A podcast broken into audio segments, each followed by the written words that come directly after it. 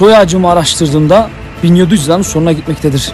Öz kanlı taşıdığım öz dedem Osman, onun oğlu Süleyman, onun oğlu Ahmet'tir.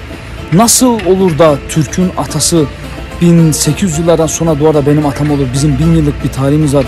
Bakın ben Türk'üm ama Türkçülük yapmıyorum. Biz ırkçı değiliz. Yaptığımız zaferleri Allah için yapıyoruz biz. Sefer bizim, zafer Allah'ındır.